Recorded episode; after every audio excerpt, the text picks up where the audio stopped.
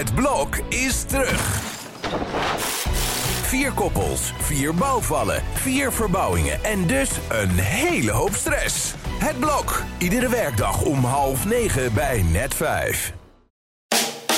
Good afternoon, this is your captain speaking with just a little flight information. Dit is Inchecken, de reispodcast van De Telegraaf. Met Iteke de Jong en Koen Nederhof. ook eens van zijn welverdiende rust. En daarom eh, vandaag een eh, gast in de studio. Eh, we gaan eens even wat dieper inzoomen op een belangrijk onderdeel van de hele reisindustrie. En dat is namelijk de zakelijke reiziger. Is vaak veel om te doen, is zeer gewenst. En bij ons aangeschoven is Daan Linderink van Schiphol Travel International. Die een aantal grote Nederlandse bedrijven als klant heeft en waarvoor ze reizen boeken. Dus dat kan hè, vliegtuig zijn, maar ook trein, eh, Daan? Zeker. Treinen, hotels. eh, we doen eigenlijk alles van, eh, van vliegtickets tot privéjets. Ja, Ehm, nou, we hebben natuurlijk de reissector komt uit een hele moeilijke tijd. De coronacrisis, luchtvaartmaatschappij op apengapen, hotels die amper konden overleven. Eh, reisbedrijven die aan het staatsinfuus eh, moesten liggen. Eh, hoe is het jullie eigenlijk vergaan tijdens die coronaperiode? Eh dankjewel. Tijdens de coronaperiode hebben we gezien dat het reizen zo goed als stil is komen te liggen. Wij hebben wel ook als reisorganisatie gezien dat het herstel zich in zou gaan zetten op het moment dat een succesvol vaccin geworden zou zijn. Ja, en dat herstel heeft inmiddels plaatsgevonden. En, en, en wat je ziet is dat eh, de, de verdere internationalisering eh, doorgaat. En dat je ziet dat we eh, zeker qua omzet eh, wereldwijd eh, naar niveaus gaan die, eh, die boven pre-corona liggen. Ja, had jij dit nu drie jaar geleden kunnen denken in de zomer van eh, 2020? Ja, gek genoeg eigenlijk wel. Eh, we hebben heel erg veel onderzoek gedaan, ook als uh, zakenreisorganisatie natuurlijk naar het videoconferentie, wat eigenlijk ook al uh, bestond voordat corona er was. Bedrijven, zeker internationale bedrijven, daar zitten reizen vaak in een top 5 uh, kostenpost. Dus dat is voor hun heel erg belangrijk. Men wil daar ook graag op bezuinigen. Ja, en, en toen hebben we eigenlijk al vastgesteld dat, uh, dat het persoonlijk contact eigenlijk uh, altijd sterker is. En dat bedrijven uh, rustig voor, voor een paar uur naar het, het Verre Oosten vliegen omdat dat uh, toch altijd beter is dan een uh, videoconferentie. Maar toch zijn verblijven videoconferenties. Dus hoe, hoe heeft zich dat dan nu ontwikkeld? Ja, het is er echt bijgekomen. Natuurlijk is het zo dat uh, zeker voor de kortere reizen er veel gebruik gemaakt wordt van Teams en Zoom. Dat weten we natuurlijk allemaal. Maar wij zien dat eigenlijk veel meer als een aanvulling op, het, op het reizen. Oké. Okay. Wordt er dan meer zaken gedaan nu? Of hoe moet ik dat Ja, feitelijk zou je dat kunnen zeggen. De, de internationalisering die gaat uh, door. Uh, bedrijven doen steeds meer internationaal zaken. Uh, de EU heeft daar natuurlijk ook enorm aan bijgedragen. En, en je ziet eigenlijk dat bedrijven ja, steeds, steeds meer zaken doen. En dus ook steeds meer reizen. Ja, dus, maar waarvoor stappen ze dan nog het vliegtuig in? Ja, dat heeft toch echt met dat persoonlijke contact te maken. Uh, zeker als je kijkt in de dienstverlening. Uh, natuurlijk uh, reizen bedrijven om allerlei redenen. Hè. Het kan ook, kunnen ook monteurs zijn. kan eigenlijk van alles zijn. Maar het persoonlijk contact, ja, dat wint eigenlijk altijd.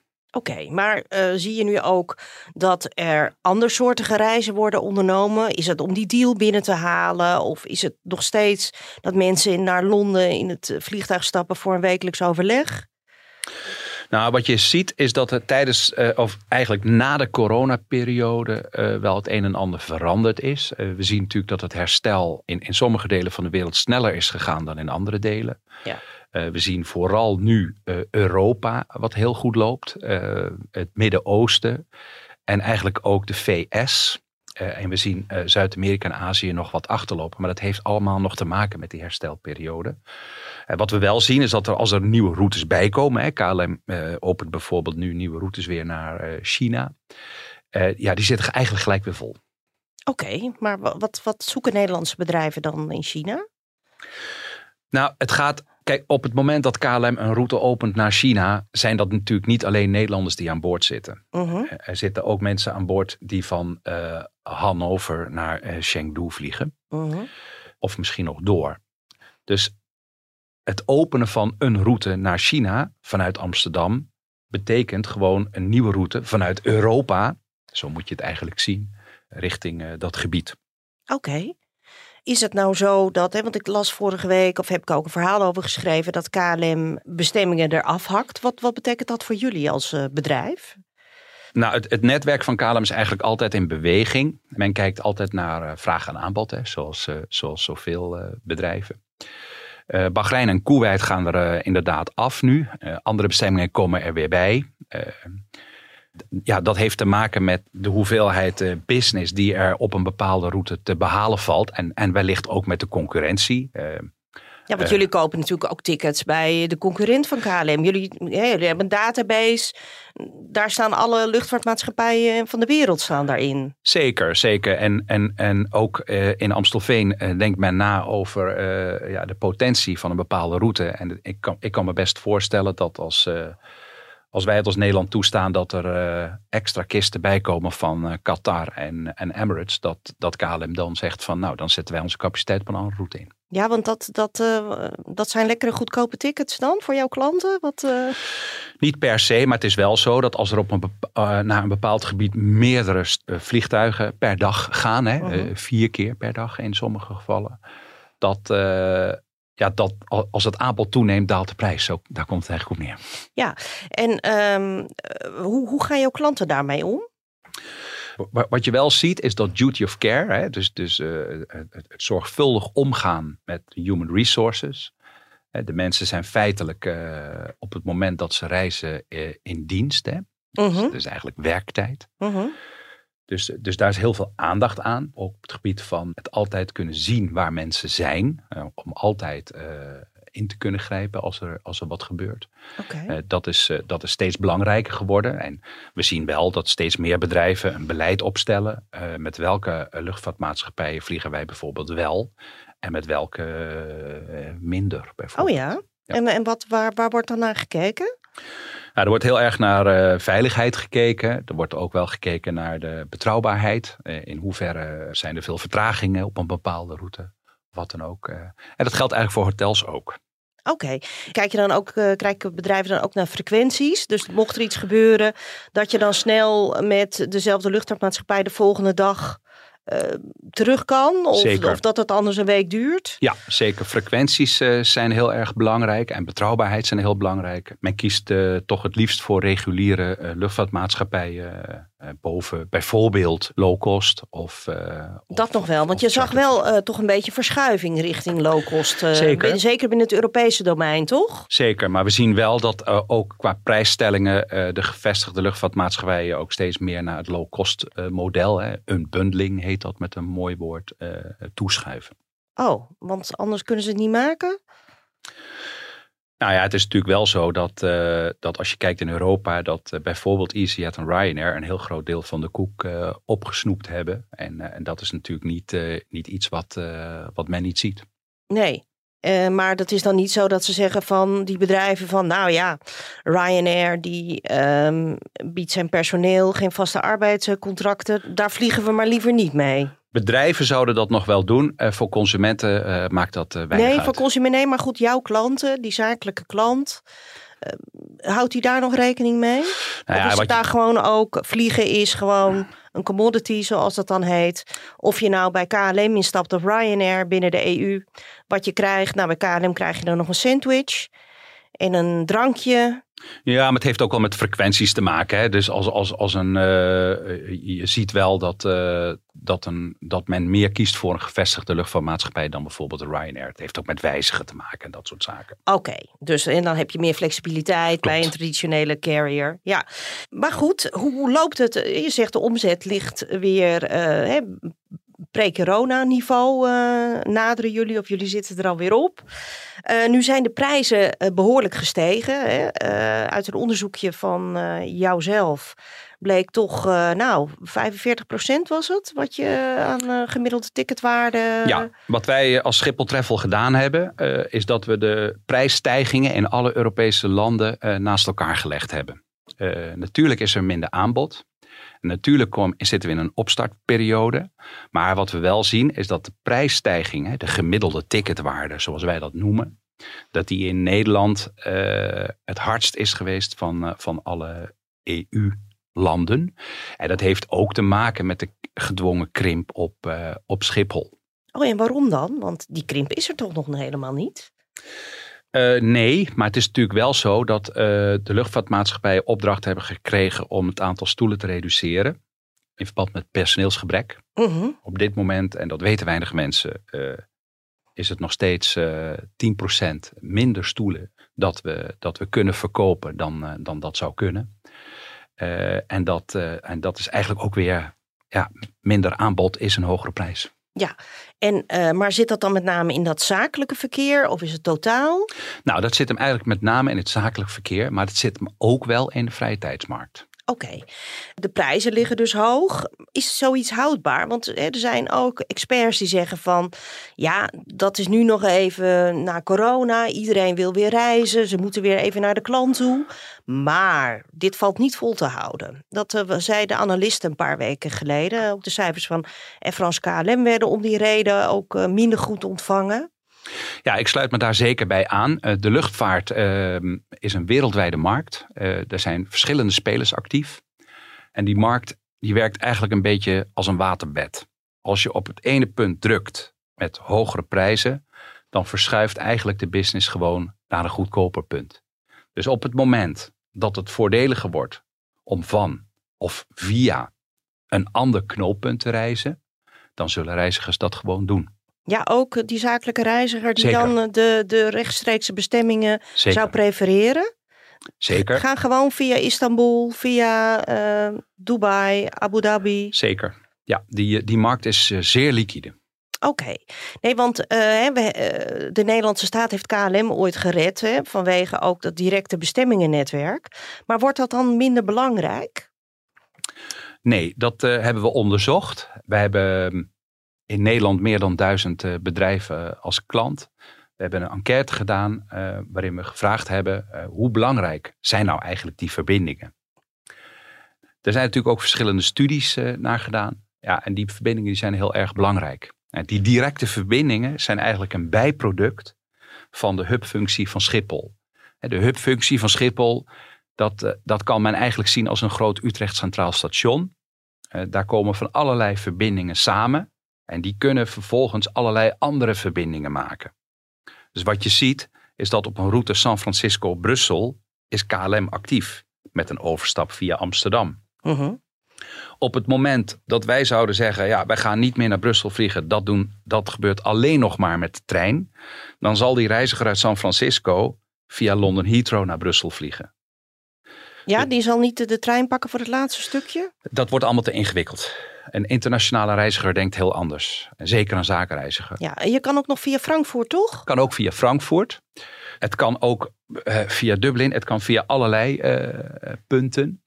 Dus met andere woorden, het is ontzettend belangrijk dat dat netwerk in stand blijft. Omdat een heleboel verbindingen die we vanuit Schiphol hebben, kunnen wij als Nederland alleen nooit vullen. Nee. En daar is natuurlijk ook heel veel kritiek op. Hè? Van de overlast van de luchthaven. Zeker. De minister die wil nu dat Schiphol gaat krimpen. Hoe, hoe, hoe kijk jij daarnaar dan? Uh, nou, als, als je kijkt naar het krimpdossier. Uh, dan moet je eigenlijk kijken. Uh, dan zou je vast moeten stellen. Ja, we hebben een demissionair kabinet. een demo, in een demissionair kabinet is het gebruikelijk dat omstreden voorstellen. die nog niet door de Eerste en Tweede Kamer zijn dat die controversieel verklaard worden.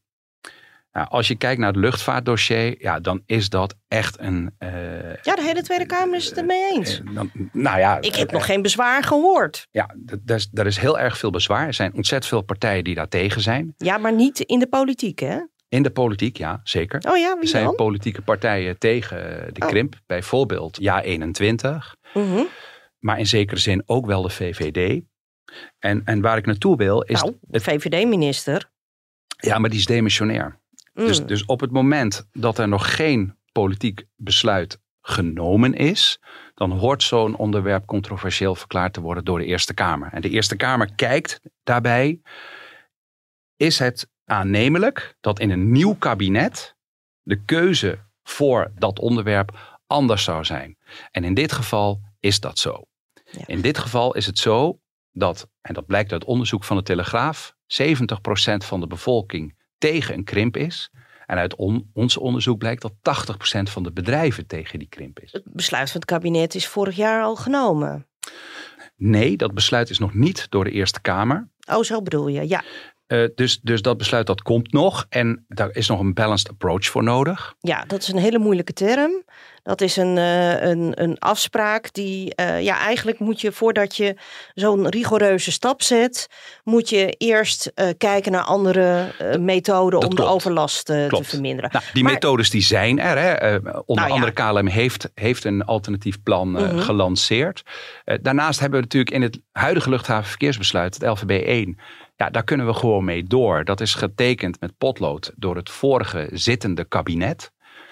Ja, en het is heel erg aannemelijk dat, eh, dat een nieuw kabinet daar heel anders over denkt. Ja, nou ja, goed, dat hangt natuurlijk ook weer van de verkiezingen af. Zeker. Maar waarom is krimp nou zo schadelijk? Hè? Eh, laten we daar nog even op inzoomen. Even los van de hele politieke. Is, is dat nou echt schadelijk voor Ja. jouw klanten? Nou ja, dat is heel schadelijk. We hadden het net al eventjes over die verbindingen. Eh, eh, Schiphol kent een, een heel groot aantal verbindingen, vooral intercontinentale verbindingen, die eigenlijk gevuld worden door virus en pushers. Dat zijn lokale vluchten hè, die die draaischijf. eh, nou, zo'n draaischijf die heeft een kritisch minimum. Op het moment dat je daar een aantal vluchten van afhaalt, dan stort eigenlijk alles in elkaar. En dan kunnen een heleboel verbindingen niet meer gemaakt worden. Het Utrecht Centraal Station verliest dan zijn waarde. Nou, als je kijkt naar Brussel of Kopenhagen, dat waren vroeger grote knooppunten. Zurich in mindere mate ook. En Barcelona. Ja, dat zijn steden waar dit gebeurd is. Daar is eigenlijk dat hub ingestort en dat komt niet meer terug. Dus wees er zuinig op en, en, en denk goed na voordat we bepaalde besluiten nemen. Eh, Als je kijkt naar de economische waarde van dat knooppunt zoals we dat hebben, durf ik het wel aan om te zeggen ja, dat eigenlijk de hele Zuidas eh, zijn, eh, zijn bestaan eh, ontleent en Hoofddorp eh, aan, aan, het, aan de aanwezigheid van al die verbindingen. Waardoor de vestigingsfactoren in Nederland zo goed waren dat bedrijven zich hier gingen vestigen. Maar die bedrijven, en zo blijkt ook het onderzoek, gaan ook weer weg als de verbindingen wegvallen. Ja, ik hoor eh, altijd van, nou ja, onder meer van die bedrijven die op de Zuidas zitten. Zeker als het eh, mensen zijn die dan eerst in Sao Paulo of in Parijs hebben gewoond. Die, eh, ja, die vinden het fantastisch in Amsterdam. En bijna alle expats roemen ook hè, de, aan- de aanwezigheid van Schiphol. Maar hoe, ja, er is ook overlast. Dus hoe, hoe zie jij dat dan? Nou, die overlast, daar moet natuurlijk zeker wat aan gedaan worden. Zeker als je kijkt naar de geluidsoverlast. Eh, maar als je kijkt naar het, eh, het huidige luchthavenverkeersbesluit, dan is daar eigenlijk al heel veel aandacht aan. En als je kijkt naar de plannen eh, die bijvoorbeeld luchtvaartmaatschappijen, onder andere ook de Barin, gepresenteerd hebben, die doen eigenlijk veel meer aan geluidsoverlast dan een pure krimp. Want als je puur krimpt, betekent bijvoorbeeld dat hele lawaaiige vrachttoestellen nog steeds naar Schiphol kunnen komen. Ja, Je kunt veel beter zeggen. nou ja, daar willen een aantal gemeenten willen daar een stokje voor steken. Nou ja, hè? en dat snap ik ook. Hè? Dus je zou veel beter kunnen zeggen als overheid: oké, eh, wat we gaan doen is: u mag naar Schiphol vliegen, geen probleem. Zolang dat binnen dat LVB 1 is, tot die 500.000 eh, bewegingen. Maar u moet dan wel aan allerlei voorwaarden voldoen. U mag niet met lawaaiige toestellen komen en anders moet u boetes betalen. Eh, en dat gaat dan bijvoorbeeld naar omwonenden. Dan ben je eigenlijk, hè, en, en als je ook internationaal kijkt eh, hoe, de, hoe de sector eh, verduurzaamt. zeker de luchtvaart. Ja, dan, dan zie je dat, eh, dat dat eigenlijk veel harder gaat eh, dan een Ja, botte welke, krimp. welke, wel- welke verduurzaming zie jij dan? Nou, wat je ziet Ik is zie dat- eigenlijk heel weinig verduurzaming nog. Ja, nou ja, toch is dat er wel hoor. Er wordt eh, met steeds stillere toestellen gevlogen. Steeds nieuwere toestellen. Je ziet eh, de leeftijd van de toestellen eh, afnemen. Be- Bedrijven, hè, zoals een KLM, steken ontzettend veel geld in het, in het vernieuwen van de vloot met, eh, met minder uitstoot Mhm. en, en eigenlijk met, met minder geluidsoverlast. Dus die geluidsoverlast, hè, dat is waar, waar de heer Harbers steeds op doelt, die kun je op, op andere manieren eigenlijk veel sneller en beter bereiken. Maar dat vliegtuig, dat hoor je dan straks nog steeds. Maar jij zegt eigenlijk, nou dat hoor je ook als het 44.000 vliegbewegingen per jaar is. Of 250.000 vlieg, eh, vlieg, eh, vliegbewegingen. Ja, omdat de krimp, die houdt helemaal geen rekening met hoe lawaaiig een toestel is. Binnen het krimpdossier, zoals het kabinet dat, het vorige kabinet moet ik zeggen. Ja, heeft, het demissionaire kabinet. Ja. het demissionaire kabinet heeft voorgesteld. Ja, dat is gewoon een botte krimp. Dus een luchtvaartmaatschappij zou bijvoorbeeld ook een hele onrendabele route, waar men met een heel schoon toestel opvliegt en een heel stil toestel, om die eh, niet meer te doen. Dat is dom. Mm. Dat is dom. Ja, nou ja, ehm, maar goed, zoals Barcelona. Nou ja, we komen toch met z'n allen toch prima in Barcelona. Hoe erg is het nou dat die internationale verbindingen ehm, daar nou zijn eh, weg? eh, het is toch prima bereikbaar per, per, via de lucht? Ja, vanuit een Nederlands perspectief gezien is dat misschien zo. Alleen de luchtvaart is echt een globale markt. Dus er er zijn passagiers die vliegen van Barcelona naar Austin in Texas. KLM vliegt bijvoorbeeld naar Austin op Texas, vliegt ook naar Barcelona. Mhm. Dus die reiziger van Barcelona naar Austin, Texas, kan dit via Amsterdam doen. Op het moment dat wij die vlucht niet meer aanbieden, of wij, KLM, Barcelona dan in dit geval? Barcelona in dit geval. Ja, dan kan dat toestel naar Austin niet genoeg meer gevuld worden en vervalt na verloop van tijd zo'n route. En, Ja. dat is een, en dat is eigenlijk jammer. Ja, dus het gaat eigenlijk om een soort van wiel met spaken erin. Ja, en, en, en, en, die routes zijn die spaken. klopt. En de reiziger uit Austin die gaat dan eh, ja, via Madrid misschien. Precies. En, en, en, en de luisteraar die moet het eigenlijk als volgt zien. Die, die business op die route, die is er en die blijft er. Of Ja, wij het nou via gaan, eh, Amsterdam... we gaan niet, we hebben geen vliegschaamte. Nee, wereldwijd is dat een fenomeen wat niet bestaat. Dat, dat is echt, eh, dat is echt een, een, eh, een term die eh, in zwang is gekomen in de afgelopen jaren in, in Noord-Europa. Maar die business die is er nu en die business is er straks ook. De vraag is alleen, gaat het straks via het knooppunt in Amsterdam? Of gaat het bijvoorbeeld via het knooppunt in London Heathrow? Ja, want we zagen deze week dat Emirates die gaat stevig uitbreiden op Heathrow. Ze zowel- die vliegtuigen vol, denk je? Nou ja, Emirates vliegt al, eh, ik denk ongeveer acht, negen keer met een A380 eh, naar London Heathrow. Als je kijkt naar de hoeveelheid toestellen die men eh, besteld heeft en wat de verwachtingen zijn voor de toekomst, dat is gigantisch. Datzelfde geldt eigenlijk voor Qatar Airways. Ehm, en zij doen dat niet zomaar. Zij doen dit omdat, inter- omdat verwacht wordt dat de internationale vervoerstromen zullen gaan toenemen. Ja, maar goed, ik las ook iets over dat Qatar Airways met lege kisten naar Australië vliegt. Omdat, eh, ja, om hun slots te behouden. Om, eh, dus dat, daar wordt ook nog wel eens over getwijfeld of die markt er dan wel echt is. Of Ja. dat het puur spierballenvertoon eh, is. Maar hoe, eh, hoe zie jij dat? Nou ja, de slotverdeling dat heeft, ehm, dat heeft te maken met eh, het feit eh, of een bepaalde route gevlogen wordt. Als die niet gevlogen wordt, dan, dan, dan mag het slot er niet zijn. Of dan wordt het slot afgenomen. Ja, en die slots, dat zijn dure dingen. En een luchtvaartmaatschappij wil zoiets niet zomaar opgeven. Nee, maar goed, dat is natuurlijk ook niet helemaal rendabel. En ook misschien milieutechnisch eh, niet helemaal eh, in de haak natuurlijk. Hè? Eens, eens. Ja, maar verwacht je echt dat dit, dat dit zo door kan gaan? Ook gezien alle milieueisen? Draait de hele wereld door, behalve hier in, eh, in de EU straks? Ja, ik denk dat dat zo is. Als je kijkt naar de vervoerstromen en de verwachtingen, bijvoorbeeld in India en China. Maar Ja, duizelingwekkend wat daar gebeurt. Ja. En dat is natuurlijk een, eh, dat is allemaal onderdeel van de markt. Hè? Dus ehm, eh, we moeten in Nederland heel erg oppassen eh, dat we alleen maar in ons eigen straatje denken. De wereld is groter dan Nederland. Ja, zeker.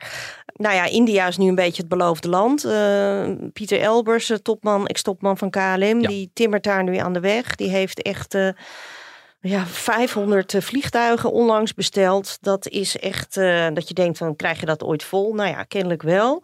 Ehm, en wij zitten hier een beetje ja, te knutselen eigenlijk. Hè? Een beetje naar binnen gekeerde blik. Zie, eh, hoe, hoe gaan jouw klanten daarmee om?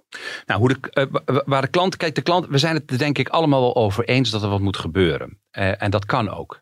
Wij vinden alleen als Schiphol Travel dat uh, uit dat onderzoek, hè, we zijn een van de grotere zakenreisorganisaties in Nederland, dus onze cijfers zijn best wel representatief. Ja, als wij het onderzoek blijkt dat 80% van onze bedrijven vinden dat Schiphol gewoon moet groeien en dat 70% van de bevolking dat vindt, ja, dan moet je als kabinet, demissionair kabinet, uh, wel bij jezelf te raden gaan. En, en met name ook die Eerste Kamer. Om, uh, om te kijken, ja, moet, dit, moet dit dossier niet gewoon controversieel verklaard worden? En moet daar niet gewoon een nieuw kabinet, lees, de nieuwe ja, kiezer, Ja, dat kan nog veel erger worden. Gaan. Misschien zeggen die wel, gooi dit boel maar dicht. Nou ja, kijk, dat kan hè. Maar als we dat doen, hè, natuurlijk, alles kan. Uh, als we het dichtgooien, dan, uh, dan, dan stopt ook de business. En gaan we dit allemaal keihard voelen in onze portemonnee. Ja.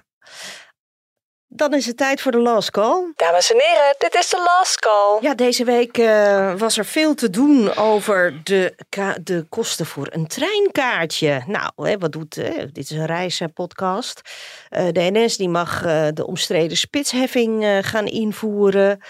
Ja, een kaartje naar Schiphol uh, wordt dan ook weer duurder. Uh, de afgelopen jaren zijn er wel wat pogingen gewaagd om de zakenreiziger in de trein te krijgen. is dit nou goed nieuws voor jouw klanten?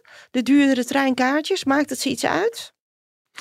Nou, in principe zie je voor wat betreft het treinvervoer dat, en dat is eigenlijk wel een, een pluim waard, dat het bedrijfsleven in een ja, in een straal van 400 kilometer eigenlijk al lang met de trein reist. Oh ja? Wij verkopen als Schiphol Travel niet meer dan 10 tickets per jaar naar Brussel. Niemand vliegt dat. Dat doen ze al lang met de trein. Dus, ja, nou ja, dat was ook nooit voor point-to-point natuurlijk. Hè? Dat nou, er zijn politieke er... partijen, onder andere de mevrouw Boutskalit van GroenLinks. Die heeft gepleit voor, uh, voor het veranderen van uh, het, het, reisbeleid. Hè, het verplicht stellen uh, van treinvervoer in een straal van 400 kilometer. Maar ik heb nieuws, dat is al lang zo.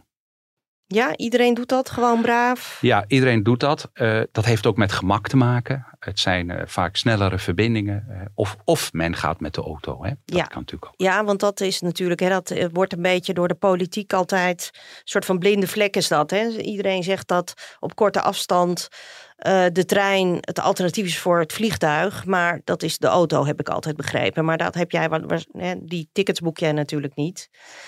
Hoe, hoeveel treinkaartjes hebben jullie nu de afgelopen jaren meer uh, verkocht? Nou, het gaat echt om duizenden. Als je kijkt, uh, veel bedrijven die veel, bijvoorbeeld veel naar Parijs uh, gaan, die, die doen dat vanuit Nederland dan. Hè? Ja. die, die, die zeggen al, wij willen meer dan 50% van, van alle vervoer per trein hebben. Datzelfde zien we eigenlijk naar Düsseldorf, Frankfurt in mindere mate, Londen eigenlijk niet. Dat is oh, een waar, moeilijke... Waarom is, waarom is Londen de zwakste schakel? Ja, Londen, ja, het is toch uh, een, een, wat langere route. En, en wat je met Londen heel veel ziet is uh, dagrand. Hè. Mensen vliegen s ochtends uh, heen en smiddags terug. En dat is altijd wat lastiger met de trein. Waarom? Want met de Thalys gaat dat prima naar Parijs.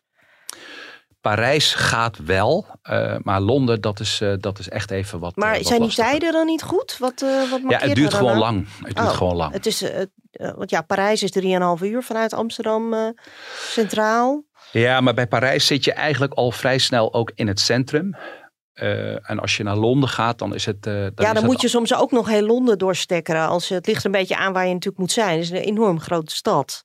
Klopt. Dus, uh, ja, dus jij ziet dat treinenavonturen naar Londen. Wat, wat moet eraan gebeuren om dat echt goed van de grond te nou, krijgen? Die verbinding moet eigenlijk gewoon sneller worden.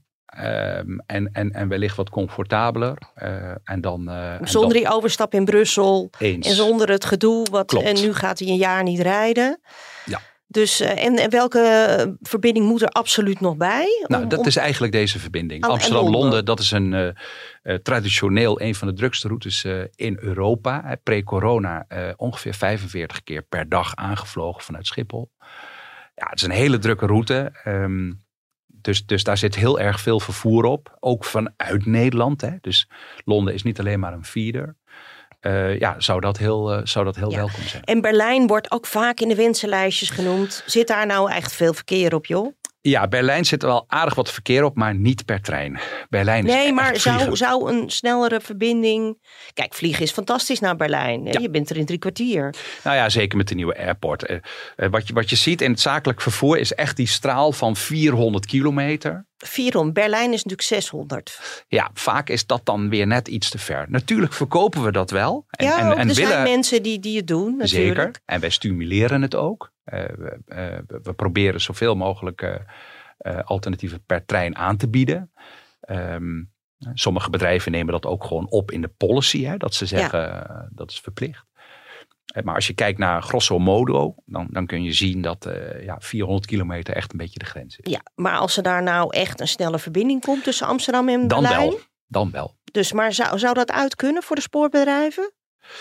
Uh, ja, dat, dat moet uitgezocht worden. Daar kan ik hier op dit moment okay. zo geen. Uh, nou ja, goed. Maar jullie verkopen best nog wel wat tickets uh, naar Berlijn. Dus ja. misschien zit het er toch in. Nou, Daan, dankjewel voor dit mooie gesprek. Heel graag gedaan. Over, nou ja, heel veel onderwerpen. En voor de luisteraars, dit was weer een nieuwe inchecken. laat een beoordeling achter en graag tot de volgende keer. Dag. Dank.